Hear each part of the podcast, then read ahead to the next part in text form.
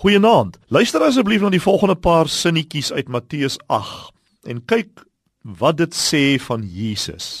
Wie Jesus is. Nadat Jesus in Kapernaum aangekom het, het 'n offisier by hom kom hulp vra en gesê: "Here, my slaaf lê by my huis verlam en verduur baie pyn." Jesus antwoord hom: "Ek sal hom kom gesond maak." Maar die offisier sê: "Here, ek is nie werd dat u onder my dak inkom nie. Sê maar net 'n woord en my slaaf sal gesond word. Ek is ook 'n mens wat onder gesag staan en ek het soldate onder my. Vir die een sê ek gaan daarheen en hy gaan en vir die ander een sê ek kom en hy kom en vir die my slaaf sê ek doen dit en hy doen dit." Jesus was verwonderd toe hy dit hoor en hy sê vir die mense wat agter hom aangekom het: "Dit verseker ek julle, ek het nog nooit by iemand in Israel so 'n groot geloof teëgekom nie." Baie sal van die ooste en die weste kom en saam met Abraham, Isak en Jakob aan tafel gaan in die koninkryk van die hemel.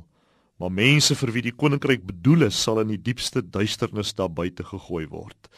Jesus sê toe vir die offisier: "Gaan terug, wat jy geglo het, sal gebeur." En sy slaaf het op daardie oomblik gesond geword. Wat sê hierdie prentjie van Jesus? Vir my sê dit dat hy absolute gesag en autoriteit het binne die konteks van 'n offisier wat bevele gee en dinge gebeur, spreek maar net 'n woord.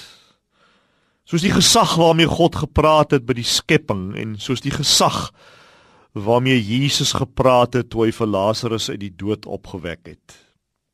Wat jy geglo het sal gebeur, dis afgehandel, sê hy vir hierdie man.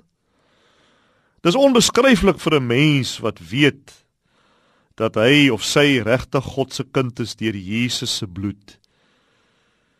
Dat jy aan iemand behoort wat absolute gesag het. Is dit nie wonderlik nie?